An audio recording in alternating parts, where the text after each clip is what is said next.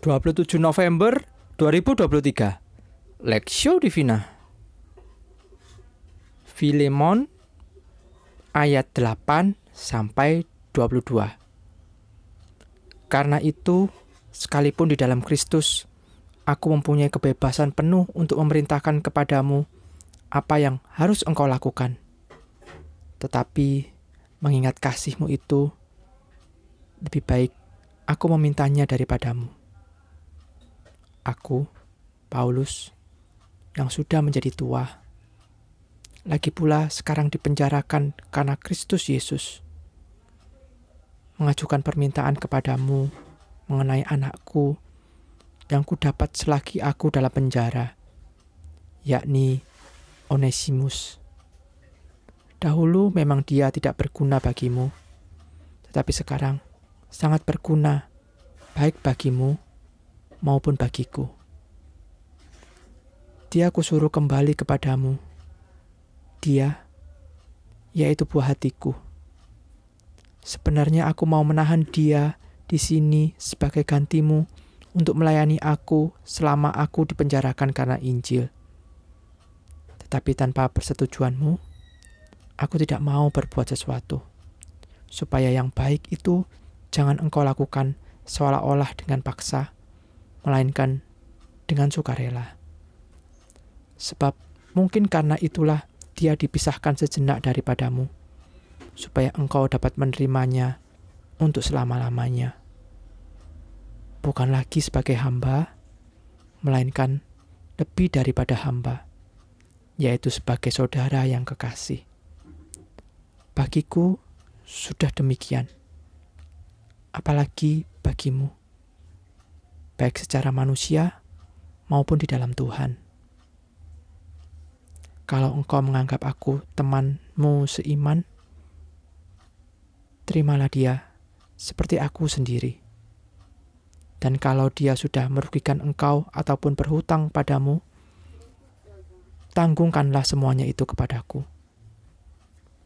Aku, Paulus, menjaminnya dengan tulisan tanganku sendiri aku akan membayarnya. Agar jangan kukatakan, tanggungkanlah semuanya itu kepadamu. Karena engkau berhutang padaku, yaitu dirimu sendiri. Ya saudaraku, semua orang, semua semoga engkau berguna bagiku di dalam Tuhan. Hiburkanlah hatiku di dalam Kristus. Dengan percaya kepada ketaatanmu, kutuliskan ini kepadamu. Aku tahu lebih daripada permintaanku ini akan kulakukan. Dalam pada itu, bersedialah juga memberi tumpangan kepadaku, karena aku harap oleh doamu, aku akan dikembalikan kepadamu.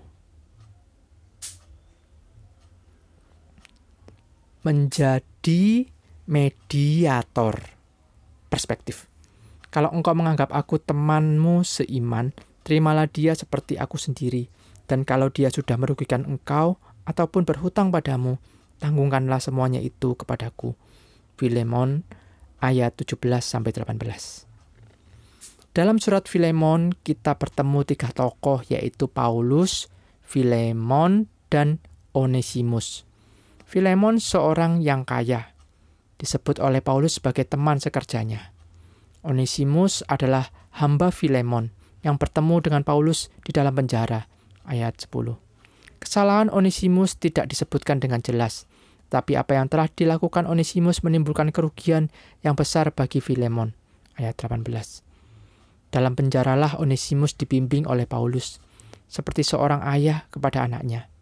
Ia pun percaya kepada Yesus dan bertumbuh menjadi pribadi yang baru di dalam Tuhan. Ayat 10-11 dan Paulus menjadi mediator antara Onesimus dan Filemon. Ia meminta Filemon untuk menerima kembali Onesimus, hamba yang pernah merugikannya.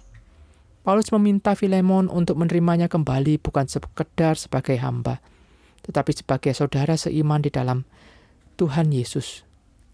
Ia bahkan bersedia menanggung segala hutang yang disebabkan oleh Onesimus demi tidak ada ganjalan bagi Filemon untuk menerima kembali Onesimus.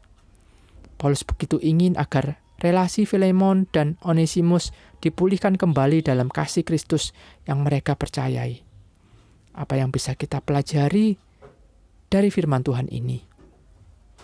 Pertama, Tuhan bisa memakai tiap kita menjadi mediator bagi sesama dalam persekutuan umat Tuhan. Memang tidak mudah dan terkadang kita bisa berat sebelah ketika melakukannya.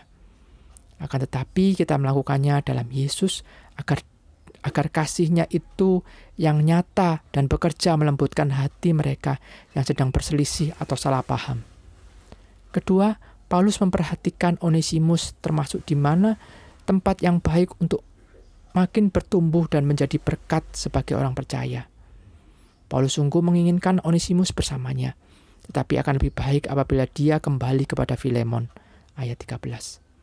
Dengan kembalinya Onesimus kepada Filemon, maka bukan hanya rekonsiliasi, rekonsiliasi yang terjadi, tetapi kasih Kristus akan dinyatakan di tengah-tengah umat Tuhan dan sekitarnya melalui mereka berdua. Demikian juga bagaimana kita bisa memperhatikan pertumbuhan hidup saudara seiman yang lain, dan bukan sekedar untuk keuntungan diri kita sendiri. Studi pribadi Selain dua pelajaran di atas, adakah hal lainnya yang Anda pelajari ketika merenungkan firman, merenungkan bagian firman Tuhan ini? Pokok doa, berdoalah bagi setiap pelayan Tuhan di gereja agar diberikan hati yang saling mengasihi di dalam Tuhan, sehingga masing-masing boleh bertumbuh menjadi berkat.